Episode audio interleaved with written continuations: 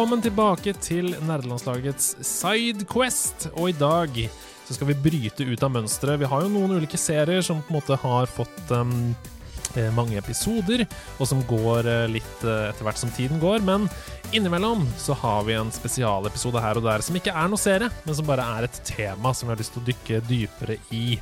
Um, vi har gjort det før. Uh, og vi skal gjøre det mange ganger til. Spesielt når gjesten sier 'Kan vi ikke please snakke om dette?' Og det var det som skjedde denne gangen, for jeg sitter her med Susanne Berge, annet kjent fra spillredaksjonen Spillbart, uh, Double Jump osv. Uh, hei til deg. Hei, hei. Har du det fortsatt bra? Ja, kan ikke klage. det er bra. Du, du, jobber med bok, det har du gjort en stund? Ja, det stemmer. Eh, kanskje jeg har jobba med det litt for lenge, føler jeg. Så nå ja. Men nå er jeg snart ferdig. Ja. Uh, bare finpusse de siste sidene og sjekke skrivefeil og sånne ting. Og så blir det å sende ut til forlag og mm. krysse fingrene for at uh, noen syns det er like kult som meg gjør. Mm. Mm. Men det er jo så fint med sånne, sånne bokprosjekter som kommer innenfra, da, istedenfor at de kommer som en bestilling utenfra. Uh, det er jo heller ikke prosjekter som nødvendigvis trenger å ha en deadline, med mindre man ikke ønsker å bli helt gæren, fordi man går og tenker på det hele tiden. Åssen mm. har du opplevd den prosessen? Det er vel noen år du har holdt på med det? Ja. Eh, jeg har ikke lyst til å si hvor mange, fordi eh, det begynner å bli ganske mange. Men det er, mm. liksom, det er digg å kunne bare sitte og knote med et eller annet mm. som er et helt personlig prosjekt, og så ikke ha noen å måtte forholde seg til som sier at du må ha 1000 sider ferdig mm. innen torsdag. Jeg elsker sånne ting selv. Mm. Uh, det blir som en terapiform, da, på en måte. Mm. Uh, men så gøy å høre at det nærmer seg noe, da. Uh, er det noe sted man kan f.eks. få en smakebit, eller være med på denne reisen?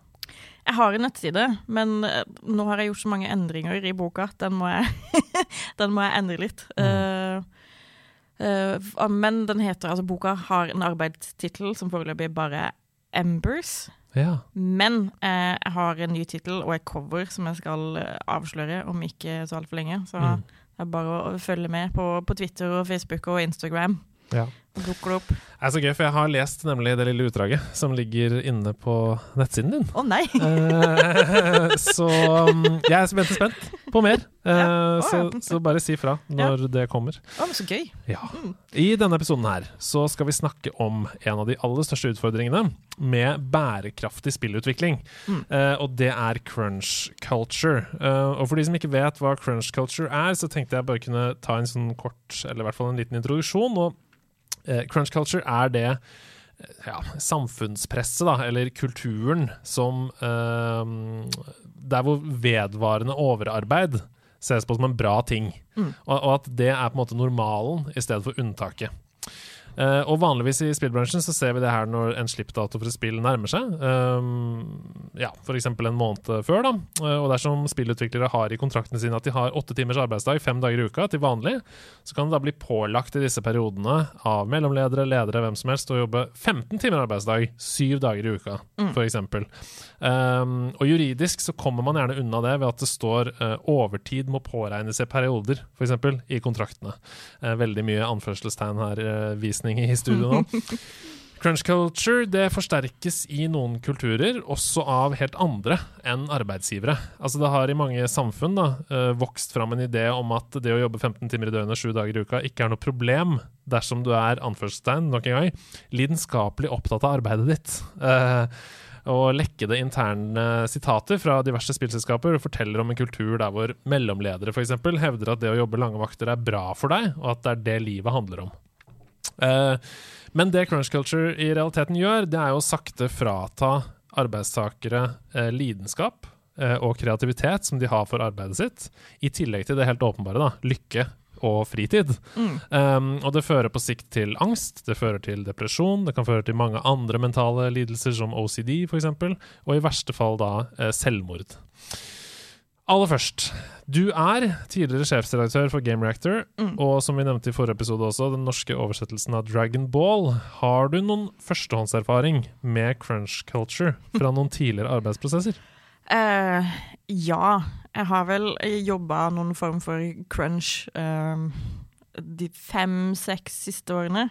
Mm. Eh, ikke at crunch er veldig uvanlig. De fleste måte, arbeidssektorer opplever det på et eller annet tidspunkt. Sånn som nå som jeg jobber på Nordli, så kan man jo kalle tida rundt jul for, for crunch time. Mm. Eh, hvor man jobber mer og man jobber lenger, og det er liksom Det er mye som skjer.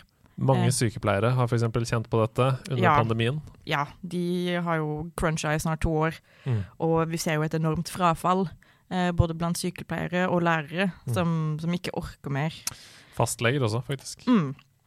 Eh, for min egen del så har det vært eh, Spesielt da jeg var sjefredaktør for Dragon Ball, hvor jeg også jobba for Outland.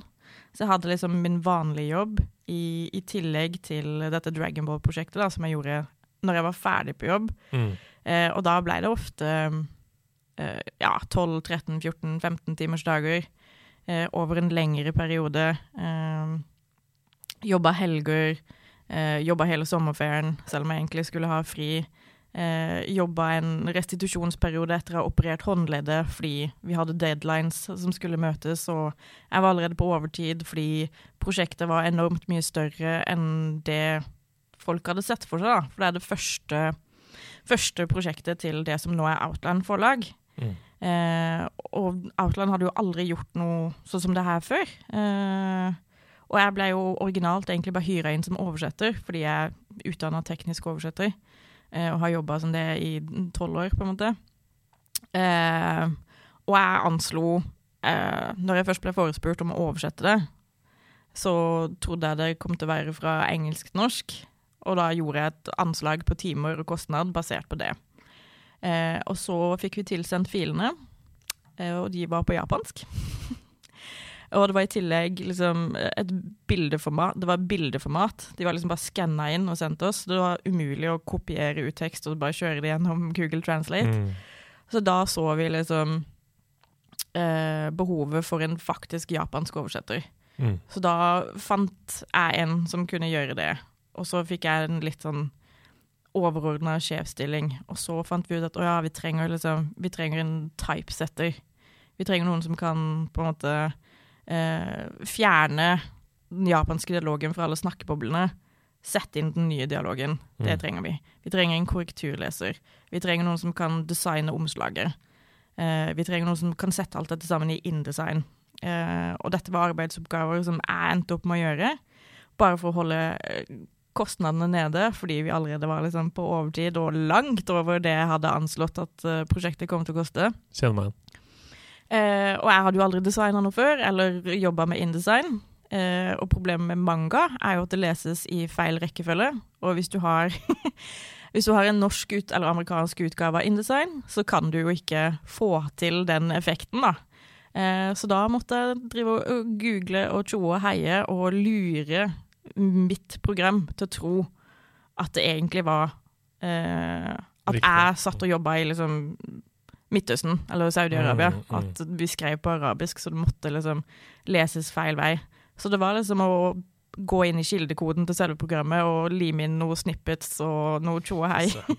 Og så på en måte få alt dette til å funke, og så måtte vi jo finne et trykkeri, og så måtte vi liksom finne ut av ok, hvordan sender vi ting til et trykkeri, hva, liksom, hva er en bleed edge, hva trenger de, hvor mange sider er det nødt til å være i denne boka for at det skal trykkes opp ordentlig, og så Mm. det, var, det var et Ja, prosjekt. Så en litt uoversiktlig prosess fra begynnelsen av skaper en situasjon der hvor det er umulig å komme i mål uten å jobbe et usannsynlig antall timer overtid. Da. Ja. Eh, som jo flere Altså, eh, det viktigste med god prosess er eh, forarbeid før man i det hele tatt setter igjen prosessen, så det forstår jeg at må ha vært helt eh, forferdelig. Og det, eh, til en viss grad så kan man jo unnskylde f.eks. Outland Forlag, som du nevner her, fordi de ikke hadde gjort det før. Ikke sant? Ja. Um, men Game Reactor Ja, altså The Outland Forlag sin, sin si, fordel og fortjeneste, så har de jo strømlinjeforma den, den prosessen ganske mye. Og de Mm. har jo gjort en kjempejobb med resten av Dragon Ball-serien, og har jo fått nye serier som de har oversatt, annet uh, Mitt helteakademi og uh, Pokémon, som er bare Det er jævlig kult. Uh, og det har også vært gøy å på en måte vært med på å få det til, da. Ja, ja. Så det, du, ja, en slags um, prøvekanin som fikk i gang noe større, da. Ja, uh, men det gjorde jo at uh, uh, holdt, Ja, jeg var jo ekstremt sliten i veldig lang periode etterpå, eh, og var liksom på god vei til å bli utbrent, da, som Mm. er en fare ved å, å, å jobbe sånn over lengre tid. Vi kommer tilbake til det uh, etterpå, konsekvensene. Mm. Um, men ja, Game Rector. Ja, uh, og så gikk jeg jo rett fra liksom, Outland til å bli sjefredaktør i, i Game Rector. Um, som har på en måte Hvor man jobber Man jobber jo så klart mer når det er mange spill som slippes. Eh, sånn som eh, februar i år kommer til å være helt jævlig for Game Reactor. Hvor du har alle disse storspillene som slippes, og som skal anmeldes. Og du har liksom Du har så stramme tidsfrister. Mm. Eh, fordi Det er mange grunner til det, men de har blitt strammere og strammere fordi de, utli altså de ulike utgiverne sender ut koder mye seinere enn det de gjorde før. Mm. Fordi de er redde for lekkasjer og den type ting, som Mm. igjen påvirker hvor mye du får spilt, eller hvor mye du må spille liksom, i strekk for å få liksom, stort nok inntrykk av spillet til å kunne skrive en anmeldelse. Og så skal du jo skrive anmeldelsen, så skal den være klar til embargoen dropper. Og hvis du ikke er klar til embargoen dropper, så mister du jo eh, kliks. Mm. Og da mister jo selskapet penger. Så det er liksom Det er mye som står på spill. Uh, men Game Reactor spesielt da har jo De produserer veldig mye. Fordi ledelsen der har sagt en kvote man skal fylle hver dag, da. Mm. Eh, så i løpet av de to årene jeg var sjefredaktør, så skrev jeg jo nesten 4000 tekster. Mm. Tenk på det.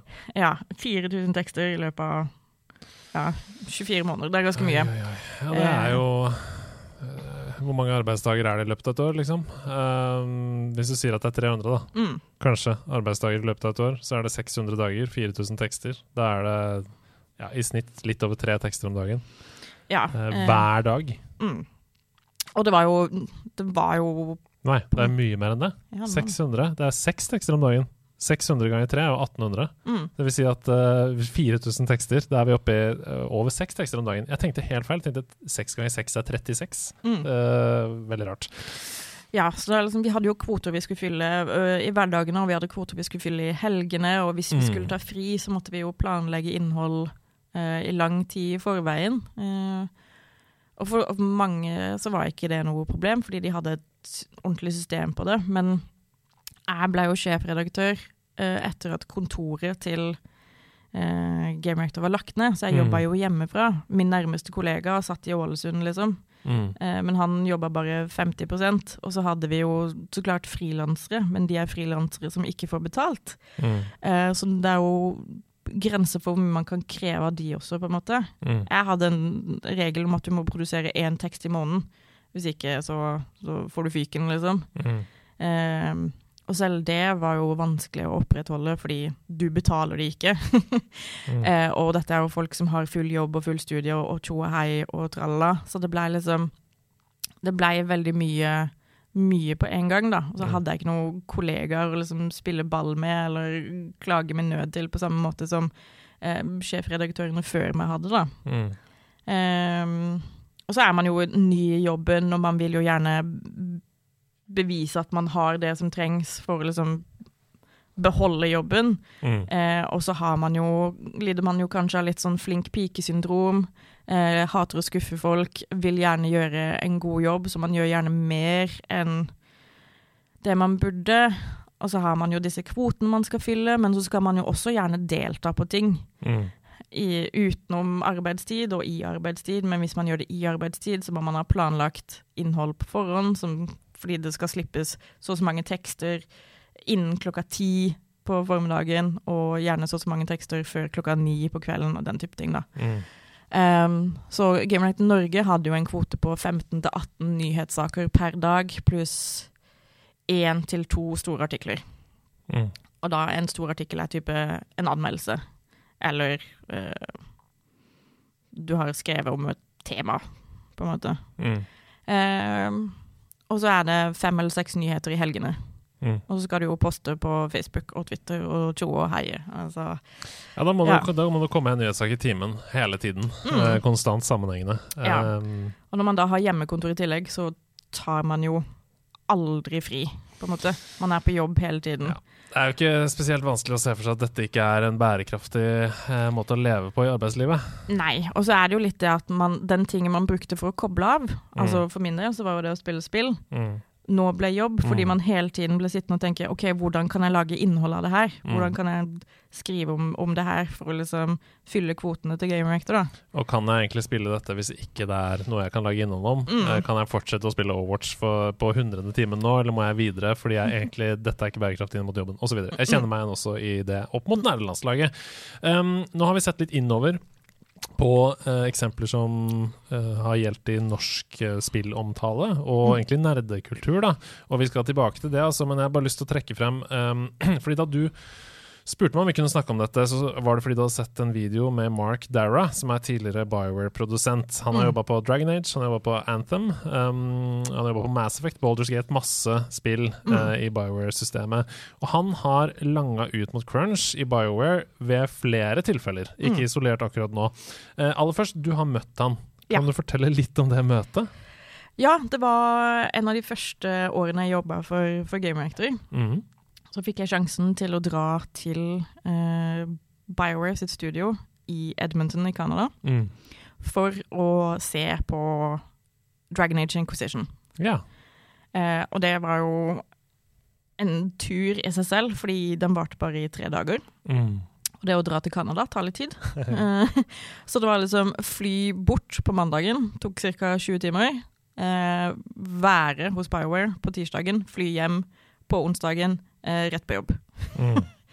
Eh, så det var liksom 40 timer reisetid. I eh, løpet av 72 timer. ja, for 6-7 timer med innhold. Mm. Eh, men da traff jeg annet eh, Mark Dara, og jeg traff Aaron Flynn og David Gader og Mike Laidlaw. Mm. Og dette er jo alle folk som ikke jobber i Bioware lenger, Mm. eh, og det er grunner til det. Eh, blant annet denne crunch-kulturen da, som, eh, som Mark Dara har langa ut mot nå. Mm. Eller det han har langa ut mot nå, er jo det at denne crunch-biten refereres til som uh, Bioware magic. Ja, og Bioware Magic det er jo en intern tro på at uansett hvor shitty ting ser ut underveis i spillutviklingen, så kommer det til å ordne seg, fordi vi er jo Bioware. Mm. Uh, og i videoen så sier han rett fram at Bioware Magic ikke er noe å være stolt av. Mm. Uh, det er bare å innrømme overfor verden at det har vært en shitty prosess. Um, og han ber da utviklerne om å stoppe å bruke det begrepet. Mm. Og vi, De samme rapportene om den her naive troen på at det ordner seg uansett, de kommer jo fra CD Project Red under utviklingen av Cyberpunk. Uh, vi er selskapet som lagde Witcher 3. Dette ordner seg, Mm. Uh, fra, spesielt fra ledergruppa.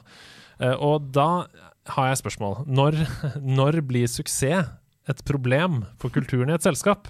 Det er det jeg lurer på. For det, suksess er jo bra, alle føler stolthet knytta til produktet, men når overskygger den suksessen og blir til en sånn egoisme, hvis du skjønner? Som blir en sånn selvforherligende greie? Mm.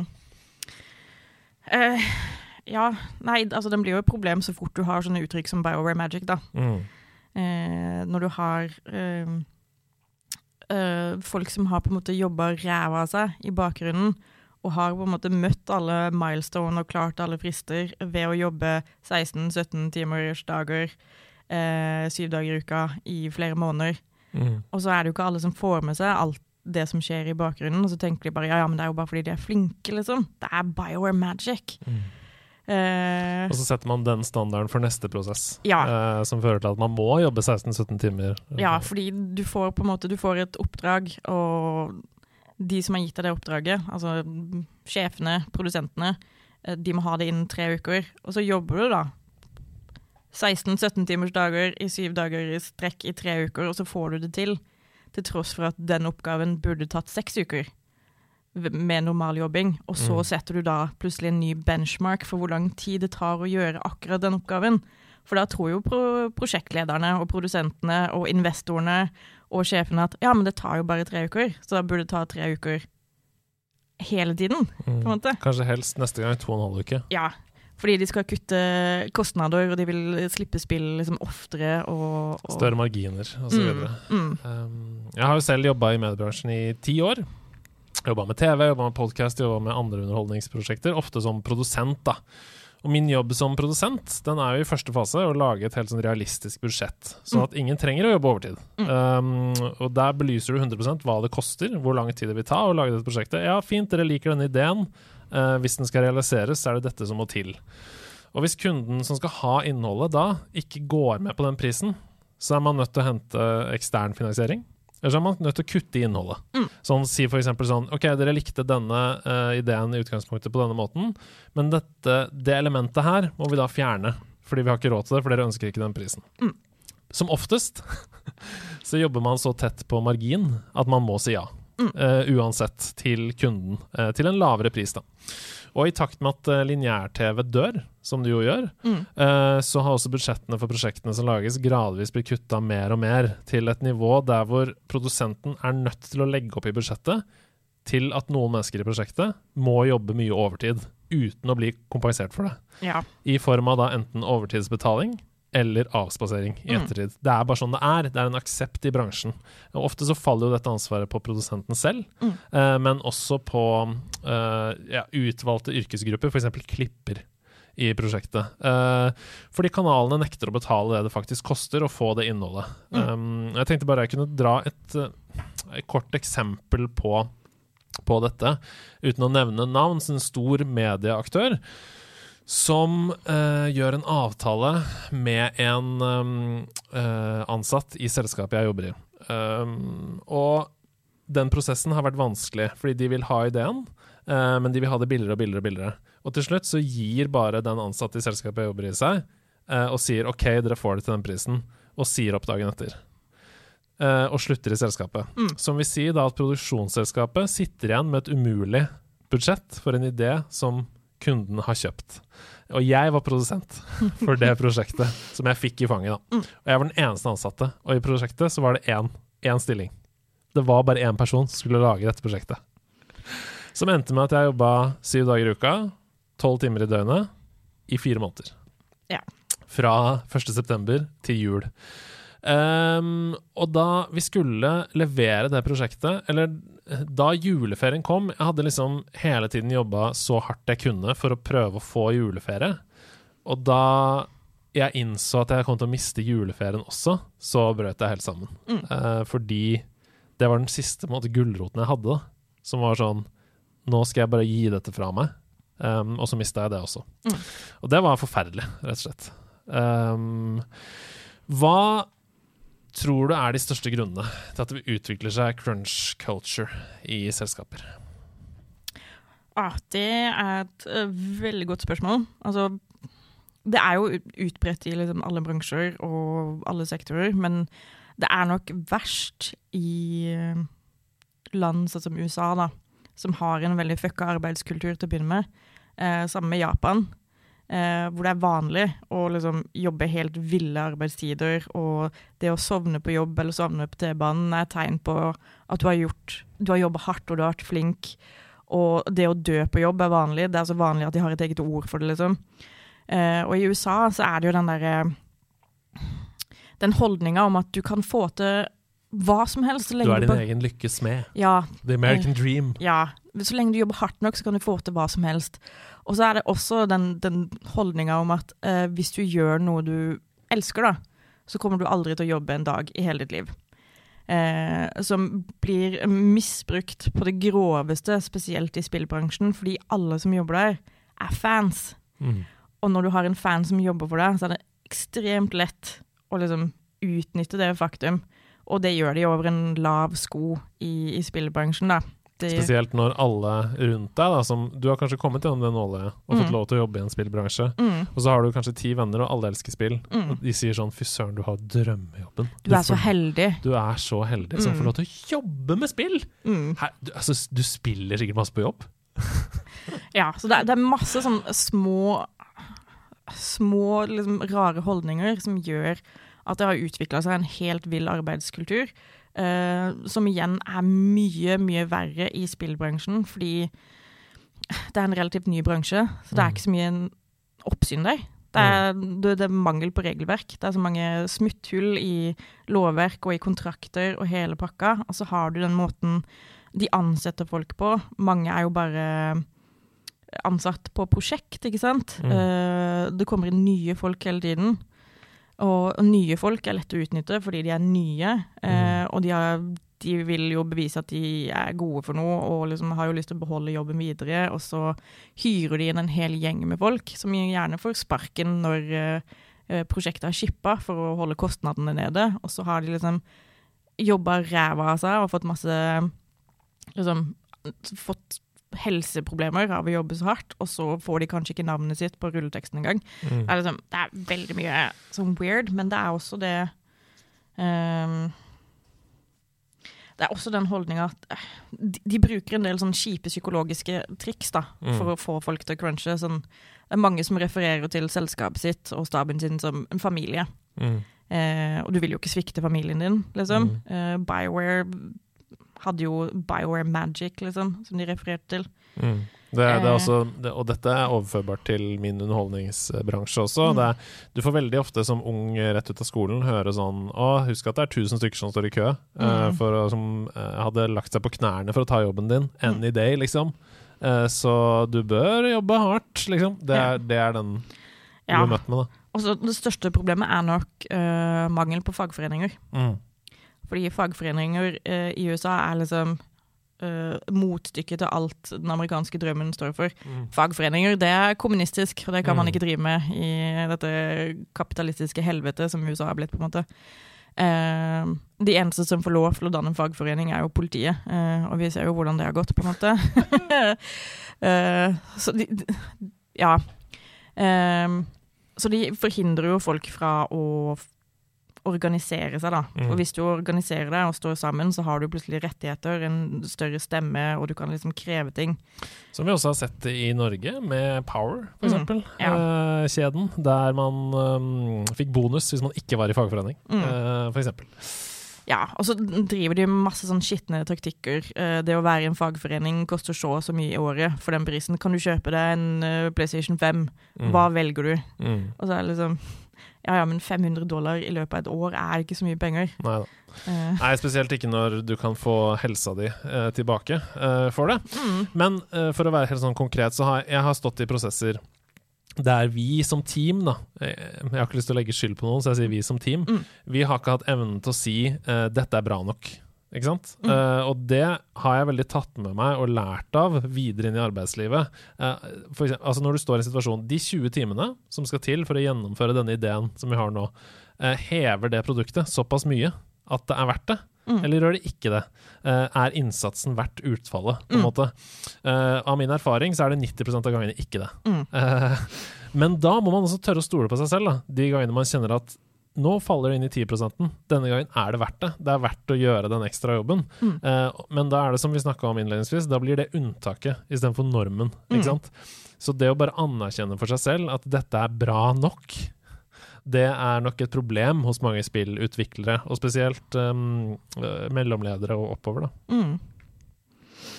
Uh, ja, og som du sier, uh, unntaket. Det må være unntaket, liksom. Det er helt innafor å crunche helt på slutten av et spill, bare for å få til de siste bitene på plass og sånne ting. Eller spesielt hvis det kommer som et eh, eksempel Eller kommer som en motivasjon fra en koder selv, da, Mm. som får en siste liten idé, som tenker at 'Å, dette er jo helt rått! Mm. Jeg vil gjøre dette! Ja. Kan jeg please få lov å gjøre dette?' Mm. Det, det er noe annet enn å si 'Hvis du ikke gjør dette, så mister du jobben', liksom. Ja, eh, og så er det jo også det at når på en måte et spillprosjekt blir planlagt nå, da, spesielt hos de store selskapene, så tar de jo høyde for at folk skal crunche Mm. i tre til fire måneder. Mm. Og de har gjerne perioder de kaller pre-crunch, hvor de jobber kanskje Det er så dumt. seks dager i uka, men bare åtte timer, for å forhindre at det blir en kjempecrunch på slutten. Eh, Mm. Og så flytter de den, den datoen for når pre- pre-crunchen skal slutte, framover, framover, framover. Og så innser man på en måte at oi sann, vi må crunche skikkelig hardt allikevel.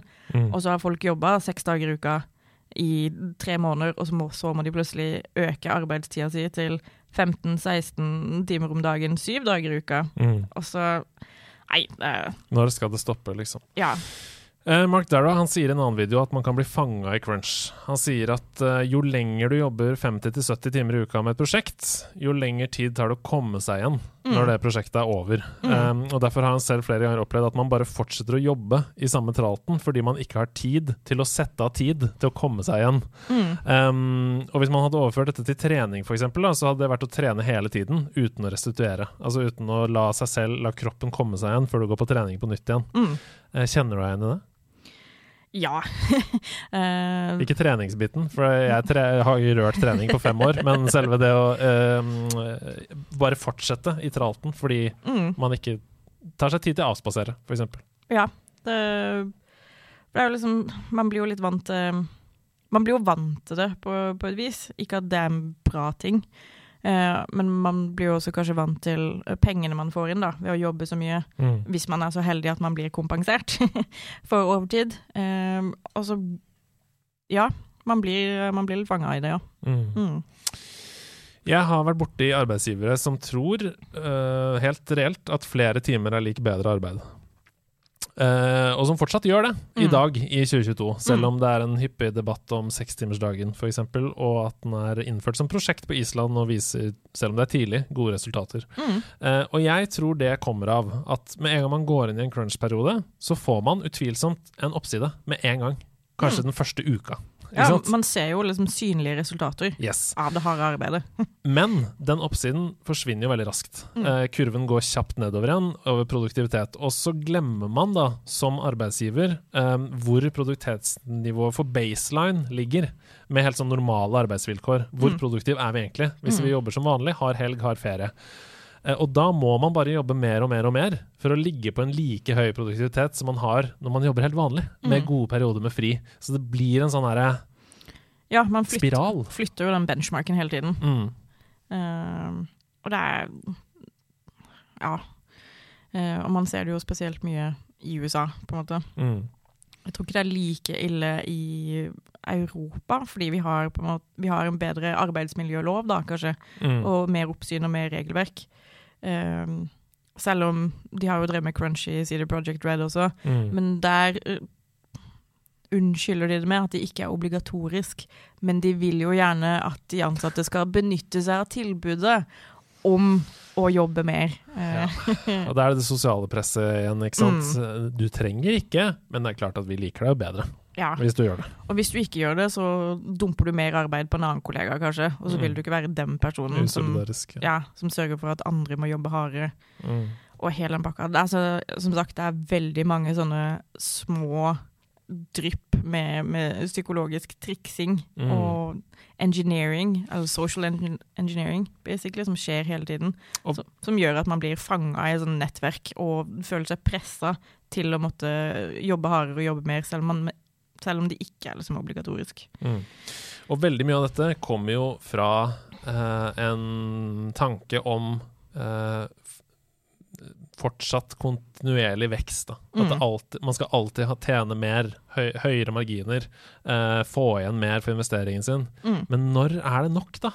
Altså um, vi, vi, nærmer oss den menneskelige kapasitet for Og da mener jeg altså, Da ser jeg helt bort fra alle ting som miljø, bærekraft, sånne ting. Da mener jeg bare på presset på, på folk flest for mm. å generere verdier. Vi nærmer oss den menneskelige kapasitet, liksom. Mm. Ja, ja, Så når er det nok, da? Vi, kan vi stoppe snart? Gå av karusellen? Ja. Eh, det tror jeg ikke kommer til skje, med mindre liksom hele arbeidsstokken i USA da, for eksempel, organiserer mm. seg og starter en revolusjon. Mm. På en måte, for det systemet er øh, så fucka at du må nesten bare brenne hele driten til grunnen og, og, bygge på nytt. Ja, og jeg, jeg, må bare understreke at dette er ikke noe um, Ingenting av det vi snakker om nå er politisk motivert. Det er i høyeste grad medmenneskelig motivert, ja. og vi kommer litt tilbake til det. For um, men først, veldig ofte da, i tilfeller hvor jeg har jobba i prosesser som ender mm. opp med crunch, og som ender opp med overtid Vi snakka litt om det i stad, men da kommer det av en manglende evne til å ta valg tidlig. Mm. Um, at man venter med å låse valgene sine uh, så lenge det lar seg gjøre, fordi det er skummelt å binde seg. Mm. Man tenker sånn Men dette kan jo bli bedre. Uh, det kan hende det kommer en idé som gjør at dette blir erstatta. Kjenner du deg en idé? Ref prosessene med Game Reactor og sånn, og oversettelsesprosessen, kanskje? Uh ja. Det har vært en del av det også. Uh, kommer ikke på noe konkret akkurat nå, men, uh, men ja. Det er, liksom, det er, en greie som spiller inn. Mm. Absolutt. Og generelt i um, livet ja, på alle fronter. Det å binde seg til å gå på en fest på fredag og si 'ja, jeg kommer', mm. istedenfor å holde alle muligheter åpne helt til to timer før, sånn at arrangøren får et kjempeproblem. Ja, altså det er jo the paradox of choice, mm. på en måte. eh, som har bare blitt eh, et større og større paradoks eh, etter hvert som liksom, vi får flere og flere ting og flere og flere muligheter. Det er sykt mye vanskeligere å ta et valg når du har en endeløs rekke muligheter å velge mellom. Mm. For hva om det valget du tar, ikke er like bra som kanskje det neste valget. Så det er absolutt noe som legger føringer på det meste, egentlig, og gjør at det blir vanskelig å planlegge, det blir vanskelig å ta høyde for ting, og så må man gjøre den siste liten jobben. Eh, og man ser det jo også, spesielt i spillbransjen, hvor folk kvier seg for å liksom committe til ting, da. Så ser de kanskje en, en tidlig bild av et spill, og så tenker ledelsen ja, men dette her var kanskje ikke så kult vi vil endre dette og dette og dette. Eh, og så sier de at dette må endres, men så legger de ikke til noe ekstra tid i produksjonsfasen for å faktisk implementere endringene.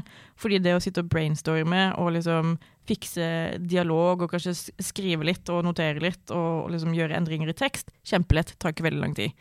Det å faktisk gjøre det i selve spillet, altså med kode og animering og hele pakka, tar jo jækla mye lengre tid, mm. men du får ikke noe ekstra tid til å faktisk gjøre det. Fordi og, noen ikke har tatt et ordentlig valg til å begynne med. på en måte.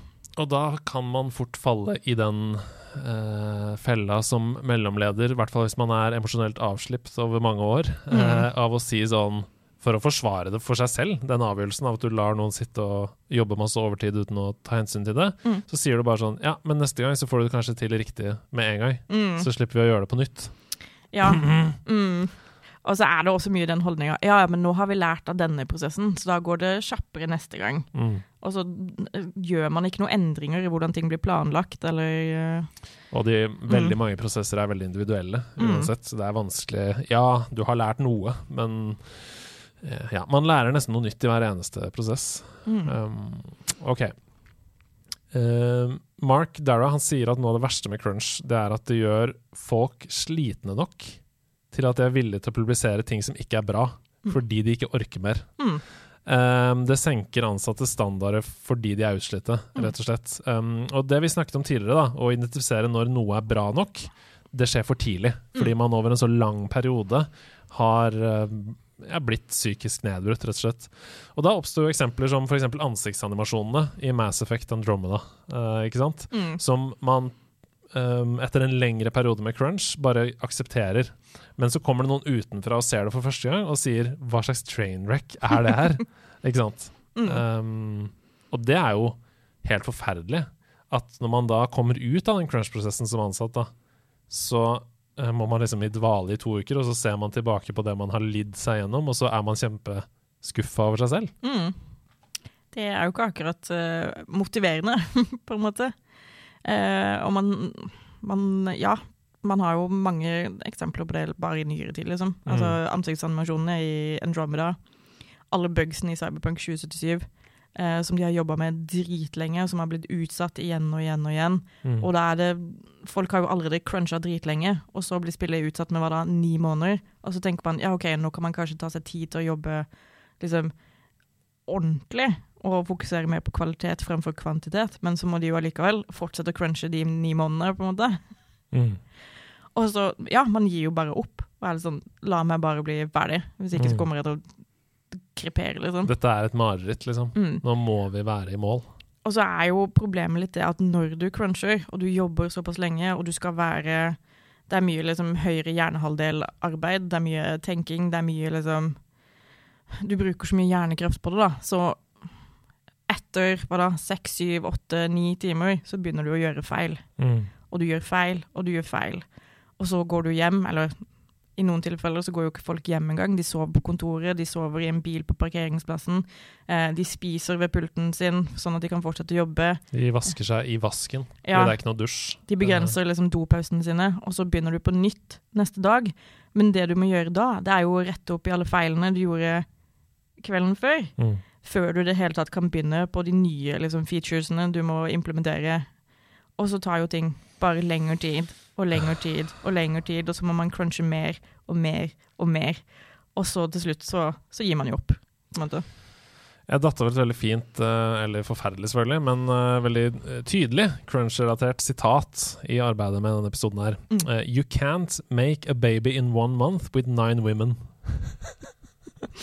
Jeg syns det er et veldig godt bilde at mange ting Samme hvor mye ressurser du kaster på en prosess, så tar det ni måneder, liksom. Mm. Uh, det hjelper ikke å stå med åtte mødre ved siden av den ene moren og si 'kom igjen', kom igjen! Bare jobb litt hardere nå. Litt hardere ja. da, så føder vi den på seks istedenfor ni. Ja.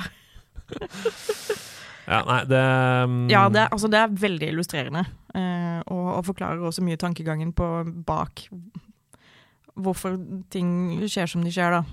mm, Og det er, det er mye av det, spesielt i spillbransjen, at folk blir hyra inn en masse, liksom.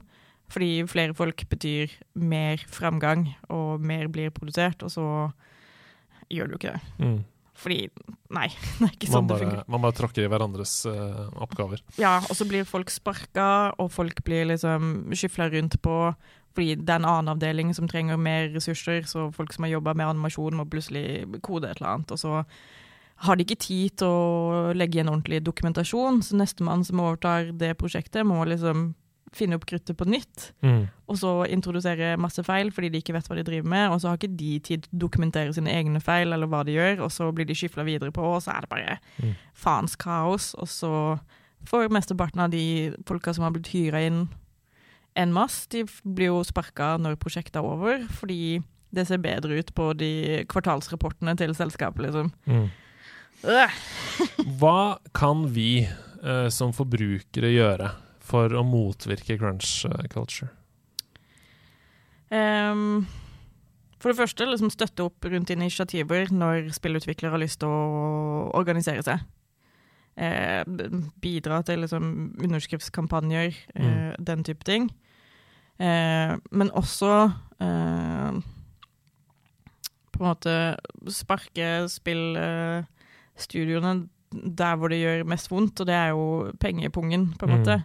Eh, så, altså, man kan jo boikotte spill hvor crunch er involvert. Mm. Eh, det finnes jo en nettside som heter jeg tror den heter No Crunch Games. eh, hvor du både kan finne jobber i studier som ikke driver med, driver med crunch, men du kan også søke opp spill for å se om folk har cruncha for å lage dette spillet. Mm. Eh, og så bruke liksom, lommeboka di da, til å tale arbeidernes sak. Mm. Eh, men da er jo også spørsmålet eh, Hvis du ikke støtter spill som har blitt utvikla under crunch, pisser du da på alt det disse folka har ofra? Altså, de har jo Mm. ofra helsa si, og de har jo ofra familielivet sitt, og, Mm. eh, og hele den bøtteballetten der, da. Mm. Så det er liksom det er, det er et lite moralsk dilemma. Det Men vanskelig. det beste man kan gjøre, eh, tror jeg, da, er jo eh, å sørge for at eh, spillutviklere får sjansen til å organisere seg. Mm. Eh, ja, rett og slett. Hvis jeg snur litt på, på bildet, Mm. og isteden spør deg hvordan bidrar vi som forbrukere til å øke crunch culture hos spillutviklere? For det gjør vi faktisk. Det gjør vi. Ja, vi ser en tidlig bild, vi ser en trailer, og så er vi sånn «Øh, Hva er dette? Dette vil vi ikke ha. Please, gjør noe annet med det. Mm. Kjempeeksempel er jo Sonic-designet til Mm. Sonic-filmen. Eller Halo Infinite, forresten. Eller Halo Infinite, ja. Mm. Eh, hvor vi, vi krever stadig mer og mer, fordi spillselskapene flytter benchmarkene sine og slipper nye ting som er jævlig kule, og så forventer vi mer eh, på den samme liksom, tidsperioden. Til en lavere pris. Ja, og når eh, eh, consumere, da, eller gamere spesielt, organiserer seg i mengder, så kan de jo være helt jævlig å ha med å gjøre, Mm. på en måte.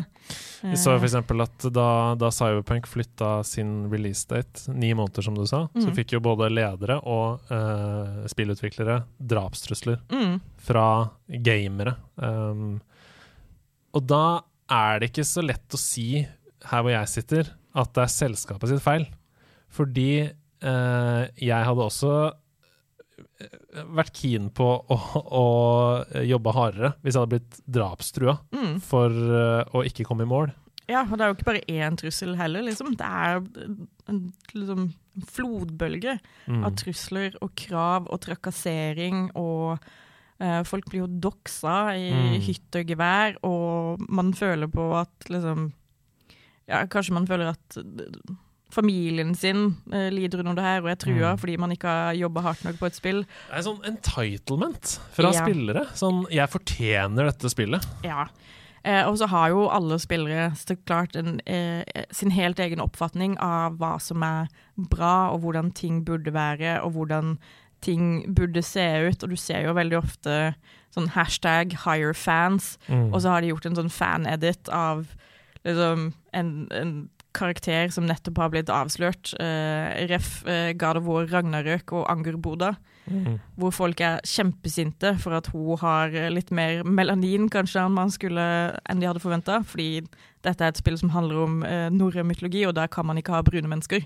Eller Horizon Zero Dawn, Mm. der hvor Aloy eh, ser ut som en helt eh, realistisk kvinne. Ja, Eh, men Hvor hun ikke er pen nok er fordi pen hun liksom ikke har sminke på seg og Mm. har litt solskade og, og sånne ting, og kanskje er litt for chubby i ansiktet. Jeg Og så har du da disse nissene som sitter hjemme i Photoshop og, Ja. og fikser på det, da. Grunnen til at jeg tok opp dette, det er Mm. bare det, For det er ikke en pekefinger. Jeg Mm. har tro på at de som hører på denne podkasten, og som er interessert i dette temaet, Mm. er ordentlige folk. Men det er lett å falle i den fella og, Mm. og, og skrive en kommentar og slenge noe dritt hvis noe blir utsatt og sånn. Og bare husk deg da neste gang at det er vanlige mennesker som det går utover, liksom. Mm. Um, og crunch blir en konsekvens. Men vi skal videre. Um, et av de største problemene med crunch culture for min del, det er at folk mister seg selv, og at de Mm. mister verdien av sitt eget liv. Mm. Um, du sa, du snakka litt om det i stad, men de unngår å finne partner, de unngår å møte familie, venner. De unngår å leve, rett og slett, fordi jobben er altoppslukende. Og da sitter man der da, plutselig eh, med en eller annen mental sykdom. Kanskje man er ufør, delvis ufør, i liksom 40-årsalderen. Og så lurer man på hvor livet ble av, Mm. og hvorfor man ikke har noen verdifulle relasjoner. Og ikke minst eh, hvorfor det du trodde var din familie, altså din tidligere arbeidsgiver, Mhm. driter i deg. Ja ja, de gir jo faen. Nettopp. De har jo greid å liksom vri siste dråpe med Svampen. Ja, med, med talent og liksom produksjon ut av det. Så nå da er det bare å kaste til side som en våt uh, skureklut, liksom. Eh, ja. Det er um, Jeg har alltid forsøkt å jobbe etter en måte å tenke på at uh, jeg jobber fordi jeg har noen personlige ambisjoner, Mm. men hovedsakelig for å skape meg et best mulig liv utenom jobb. ja, ja. Altså, det er stor forskjell på å leve for å jobbe og jobbe for å leve, på en Mm. måte. Er 100 eh, jobbe for å leve, eh, og anser ikke meg selv som et karrieremenneske lenger.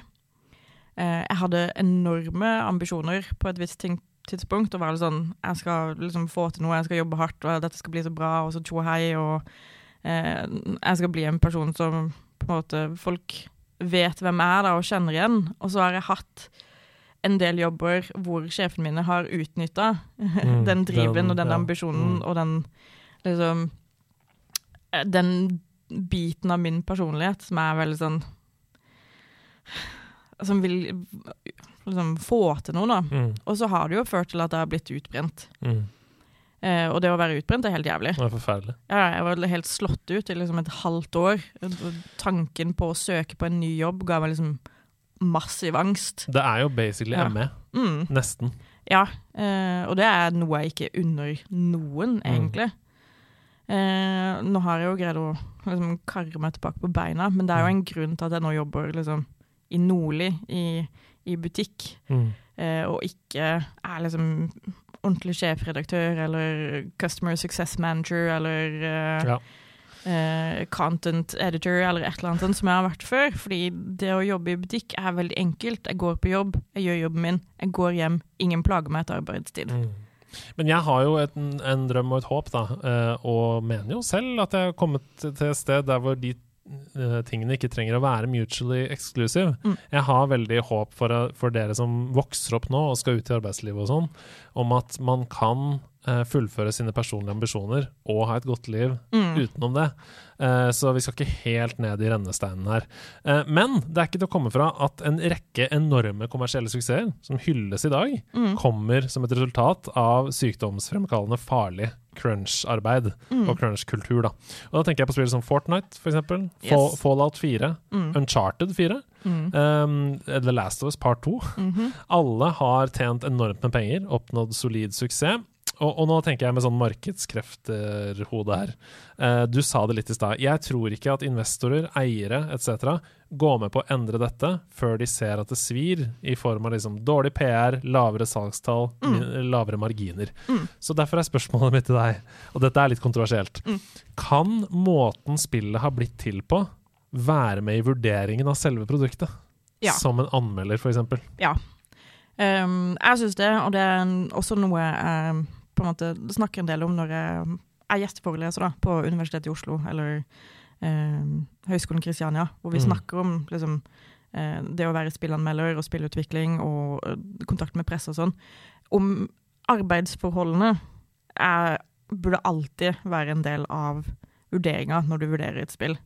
Liksom, er dette spillet så bra at det er verdt det at folk har liksom blitt uføre, eh, eller liksom går med suicidale tanker, eller mista håret, ras ned i vekt, på en måte. Er dette verdt liksom livene til faktiske mennesker? Eh, som regel er jo svaret nei, Mm. uansett hvor bra spillet er. på en måte. Ja, fordi Eh, hvis man skal være djevelens advokat på andre siden, da, Mm. så er det jo sånn Vincent van Gogh for eksempel, som skar av seg øret. Mm. Um, skal man si man kan ikke hylle hans kunstverk, for det var åpenbart noe som spiste han opp fra innsiden. Uh, burde man heller ha skjermet han mot seg selv, og, og ikke liksom bejublet de prosessene han sto i? Ja, uh, akkurat. Når det kommer til van Gogh, så er jo den historien litt annerledes. på en Mm. måte. For her er det en, en spin doctor som har vært ute på ferie. Oh, ja. Fordi uh, van Gogh mista Kutta ikke av seg øret selv. Fantastisk! Han mista det i en duell mot uh, Paul Gauguin. Og så var han sånn 'Dette var litt dumt da, gutta'. Kanskje ikke snakke så jævlig høyt om det her. ja, okay, ja. Og så er det en rivaliserende maler da, som har gått ut og vært sånn Hei, eh, har, har du hørt at uh, van Gogh har bare kutta seg øret fordi han var helt sprø i huet, eller? Jeg skjønner. Ok, Da var det et dårlig eksempel, men du skjønner prosessen, eller sånn, du skjønner bildet, da. Uh, kunsten fra kunstneren osv. Mm.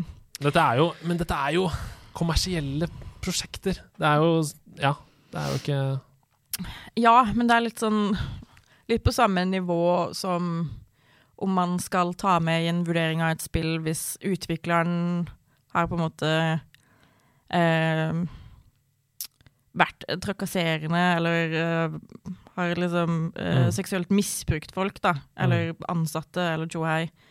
Eh, som er på en måte eh, greia med for eksempel A Night in the Woods, eller det, hva nå enn det spillet heter, heter.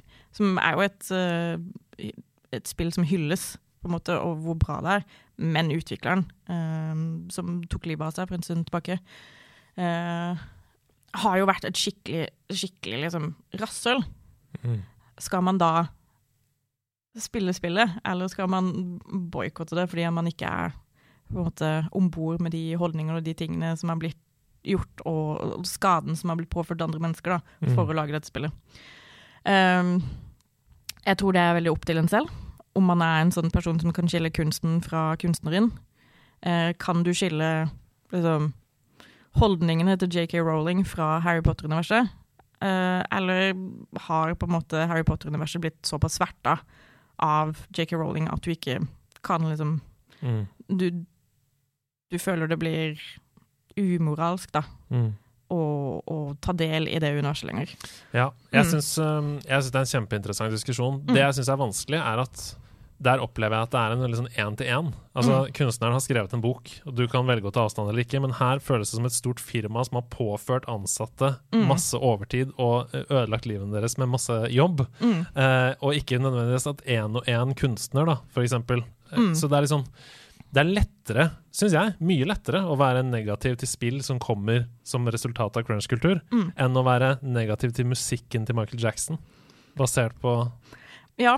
Jeg syns det er mye lettere å, mot det store, stygge firmaet, hvis du skjønner? skjønner. Uh, det er jeg helt enig i Otto. men også fordi på en måte når det er et én-til-én-forhold, så blir det jo så klart veldig mye mer personlig. Mm. Uh, Ja, det er klart. så det er, det er kjempetricky. Men Men du mener altså at man bør ta det med i vurderingen i f.eks. en anmeldelse, og det syns jeg er interessant. Ja, eh, jeg syns at man absolutt burde i hvert fall nevne at ja, dette spillet har blitt utvikla under uh, crunch-tilstander, liksom. Mm. Eh, fordi det, jeg tror det er viktig for, for gamere da, å se hvor utbredt crunch faktisk er. Absolutt. Eh, og sette seg inn i hva det faktisk gjør med mennesker. da. Mm. Eh, så kanskje man får et litt annet perspektiv på eh, hva man skal kreve av spillutviklere, og hva Mm. de skal få til for at man skal være sånn Å ja, dette spillet, ser, dette, dette spillet er kjempebra. Mm. En. En enorm mm. undersøkelse blant spillutviklere i hele USA, der så mange som opp mot syv av ti ehm, kunne fortelle at de opplever at crunch er mer normalen enn unntaket. Mm. Og det sier jo litt. Det Ja. betyr jo at hele industrien som vi uh, elsker og er så glad i, og kulturuttrykket, er basert på overarbeid. Mm. Og det uh, gjør vi noe med ved å ha denne episoden her, for Ja. Vi prøver. Um, og Altså- bevissthet, som du sier, er viktig. Ja, men det er jo kjempekjipt å innse at en ting man er så lidenskapelig opptatt av, er liksom råttent på Mm. innsiden. Mm. Det er jo ikke noe man har lyst til å, å ta stilling til eller, ta, eller forholde seg til, fordi mange spiller jo for å slippe unna andre ting, liksom. Det er ekstremt mye eskapisme involvert i det å spille, og så Absolutt. blir man møtt med 'hei, disse folka er noen Mm. jævler'. Og Du får denne- ikke lov til å rømme inn i denne verden her. Nei. Stopp litt. Det du liker, det får du ikke lov å like. Ja. Eh, og folk har jo ikke lyst til å liksom bli møtt med den pekefingeren, Nei, på en måte. Men Det er ikke det vi prøver på heller. nei, jeg syns ikke du skal slutte å liksom like en ting, eller slutte å spille et spill, på en måte. Men eh, jeg tror det er bra at man har litt innsikt. Mm. Man kan ta liksom Man kan gjøre litt vurderinger, da. Bevissthet. Eh, ja, ha litt bevissthet. Eh, Mm. Og kanskje hvis man ser folk prøve å få til endringer, sånn at spillutviklere har lyst til å fagorganisere seg, så støtt opp om det. Mm, Om det, så, om det så bare er en fuckings retweet, liksom. Et eller annet. Gjør det. Absolutt. Mm. Vi har malt et ganske mørkt bilde av spillindustrien i denne episoden, men for å ta det litt opp på slutten, så Mm. har jeg lyst til å nevne noen spill som har unngått crunch gjennom hele prosessen, og som fortsatt har oppnådd kommersiell suksess. Eh, med andre ord lykkelige utviklere, lykkelige eiere, lykkelige investorer. Og lykkelige spillere, altså de som sitter på andre siden av, um, av kontrollen. Og da er Animal Crossing, New Horizons, et kjempegodt eksempel. Mm. Null crunch. Um, Apex Legends. Uh, eneste open world, eh, nei, Battle Royale-spillet som har unngått crunch-prosesser. Eh, og Don't Starve.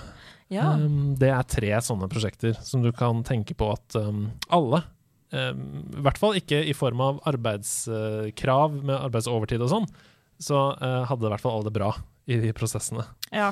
Altså, en, en, altså, nå sier jeg positiv i hermetegn, veldig store hermetegn. En positiv ting med, med crunch, da, er jo at folk eh, blir så lei at de slutter, og så starter de gjerne sine egne studier. Ja. Eh, og det har jo skjedd eh, spesielt i Bioware sitt tilfelle, som har hatt massivt liksom, brain drain de siste årene. Alle de store har jo slutta. Eh, Blizzard også. Ja, Masse nye Blizzard, studier. masse frafall, men også type Telltale, før de gikk eh, konk.